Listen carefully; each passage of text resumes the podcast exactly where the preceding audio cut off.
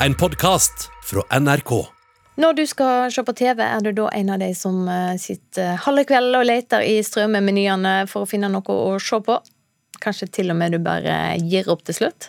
Dersom svaret er ja, så kan vi fortelle deg det. Du er ikke alene.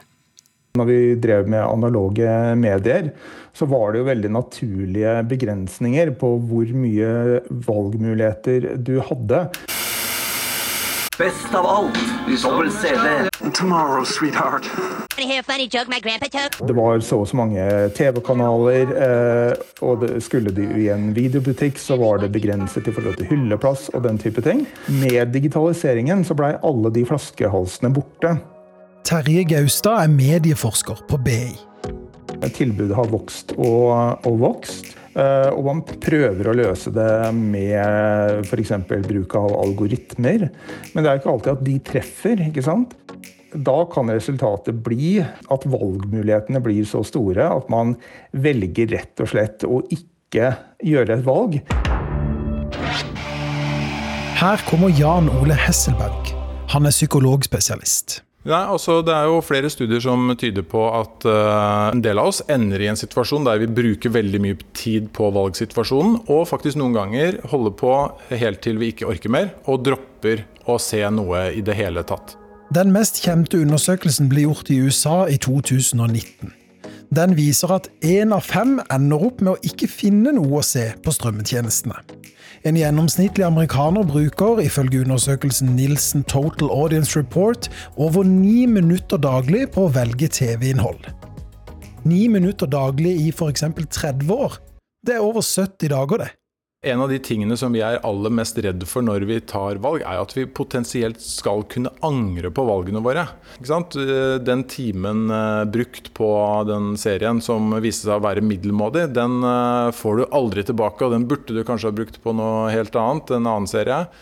Nei, det, det, det blir en utfordring for strømmetjenestene eh, å få publikum til å gjøre disse valgene.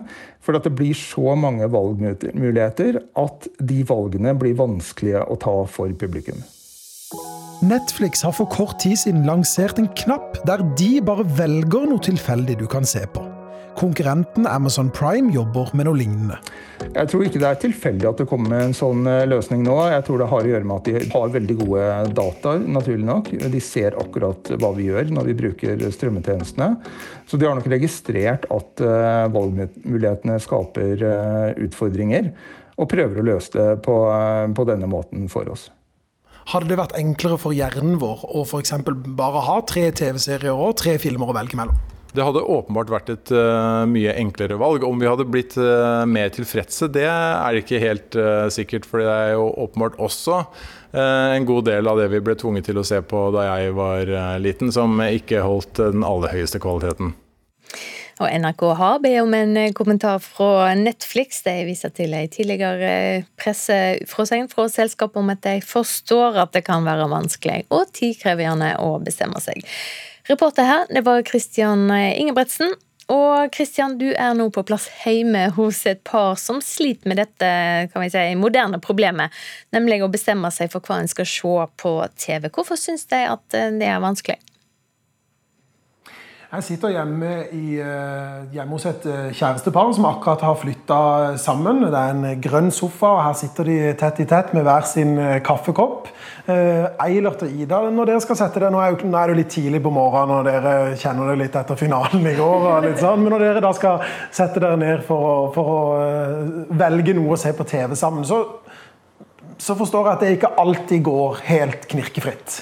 Nei, vi blir ofte sittende og scrolle, da. Mm. Og ender ofte opp på YouTube til slutt. Ja.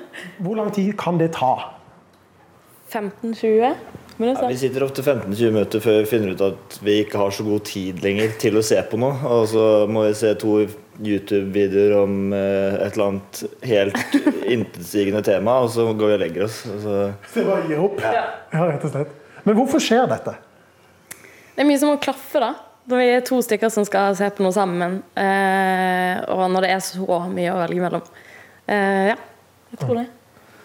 Ja, nei, altså Hvis du er keen på å se på en romantisk komedie, eller jeg er keen på å se på en romantisk komedie, og den andre har lyst til å se på en krim, så blir man jo sittende og diskutere hvorfor har du lyst til å se på det og ikke jeg, og så ender opp med at man bare ikke finner noe som passer. Det er vanskelig å finne romantiske krimikomedier. Men hva kunne vært løsningen her, da? Hvordan kunne dere ønske at det var for, å, for at det skulle bli bedre for dere? Jeg vil, eh, mitt ønske er egentlig at, jeg har, at Netflix gir meg tre alternativer basert på algoritmene mine. Og så må jeg velge best av tre. Ja, jeg vil ha etter mine algoritmer, så da sitter vi og krangler igjen. Det blir et kjempeproblem. Men Nå, nå, nå har jo da, som vi hørte hørt reportasjen, så har jo da flere eh, eller Parastrømmetjenestene jobber jo nå med sånne løsninger som de skal eh, rulle ut, der, eh, som egentlig ligner sånn på lineær-TV, hvor de bare velger noe. Hva tenker du om det, da? Det er gull, tenker jeg. Så det vil egentlig tilbake dit? Ja, vi har gått full, full Hva heter det? Full runde, holdt jeg på å si. Vi er tilbake på lineær-TV, hvor Ja. du får ikke velge selv. Og det er som å ha én kanal igjen på TV-en. Det kan jeg like. Veldig bra. Da håper jeg får en eh, fin TV-kveld i dag. Og hvis folk har lyst til å lese mer om eh, saken, så eh, ligger det masse mer informasjon ute på nrk.no. Det sa reporter Christian Ingebretsen. I går ble den norske filmen De uskyldige vist i det prestisjetunge sideprogrammet på filmfestival i Cannes. Filmen er skrevet og regissert av Eskil Vogt, som også er Cannes-aktuell som medmanusforfatter på Joakim Triers 'Verdens verste menneske' i hovedkonkurransen. NRKs filmkritiker Birger Vestmo synes De uskyldige er like god som han er ubehagelig. Hva gjør man hvis noen er slemme? Er det noen som er slemme med deg? Nei da. Men hvis noen er slemme, eller skal gjøre noe slemt, De uskyldige er et knusende drama med illevarslende thrillergrep som tidvis river i hjertet og ryster sjela.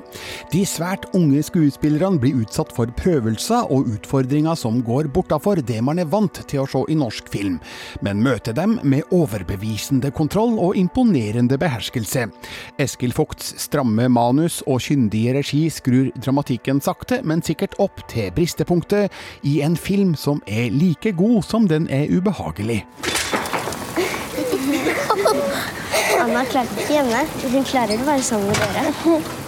Hva driver du med?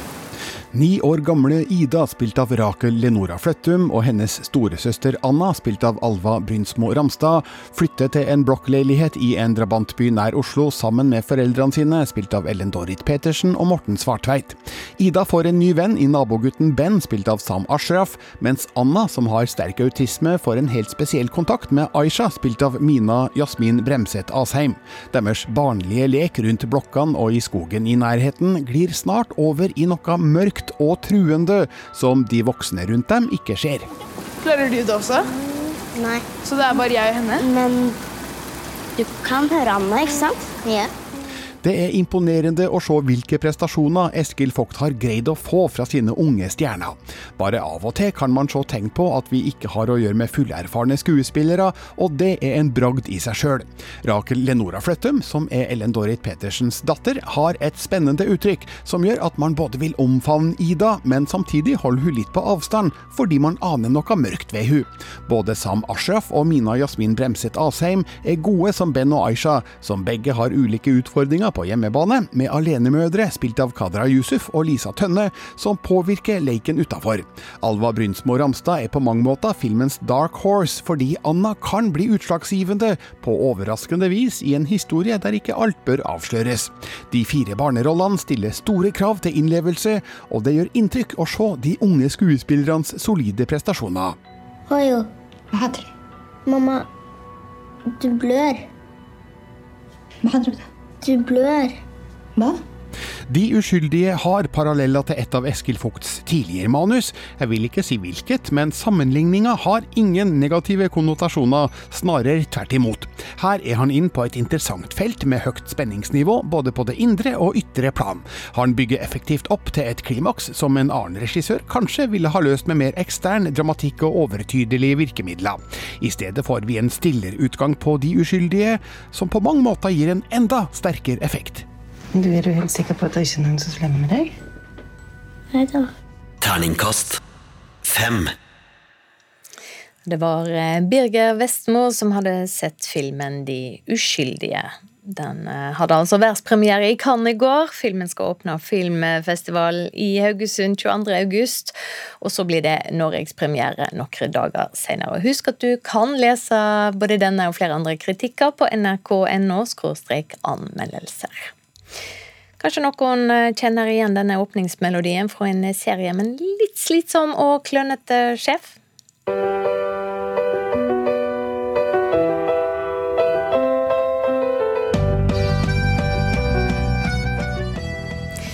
Vi snakker eh, selvsagt om eh, The Office, og det er tydelig at folk savner det hverdagslige, for TV-serien var nemlig den mest strømma serien i USA i 2020, kulturreporter Ida Yasin Andersen. Ja, og The Office handler jo om det hverdagslige, eh, middelmådige, vanlige kontorlivet. En har en 9-5-jobb, drikker kaffe med kollegaer, prokastinerer kanskje bitte litt. Eh, og serien ble skapt for å se så dagligdags ut som mulig, men BBC skriver i dag, nå 20 år senere, at det er jo er jo ingenting som er vanlig med den serien eh, akkurat nå. Um, og mange har tydeligvis brukt denne til å drømme seg litt tilbake til livet sånn som de kjente det før covid-pandemien. Og dette ble jo etter hvert en enorm suksess, men det var ikke sånn det starta? Nei, absolutt ikke. Og den britiske originalversjonen gikk på lufta i 2001, og en av serieskaperne, Steven Merchant, uh, fortalte BBC at da han satt på, på, toget, så overhørte han uh, ei som spurte venninna si om hun hadde sett den, den, dokumentaren med han galne fyren på det kontoret. Men serien er jo altså en fiktiv dokumentar med serieskaper Ricky Gervais i hovedrollen. Og skaperne har prøvd å lage den så realistisk som mulig, og drømmen var at noen skulle tro at det var en ekte dokumentar. Så første episode fikk slakt, men eh, skaperne var i ekstase. Men trass i dårlige kritikker så snudde det etter hvert, og det har vel nærmest blitt det en kan kalle en kultklassiker?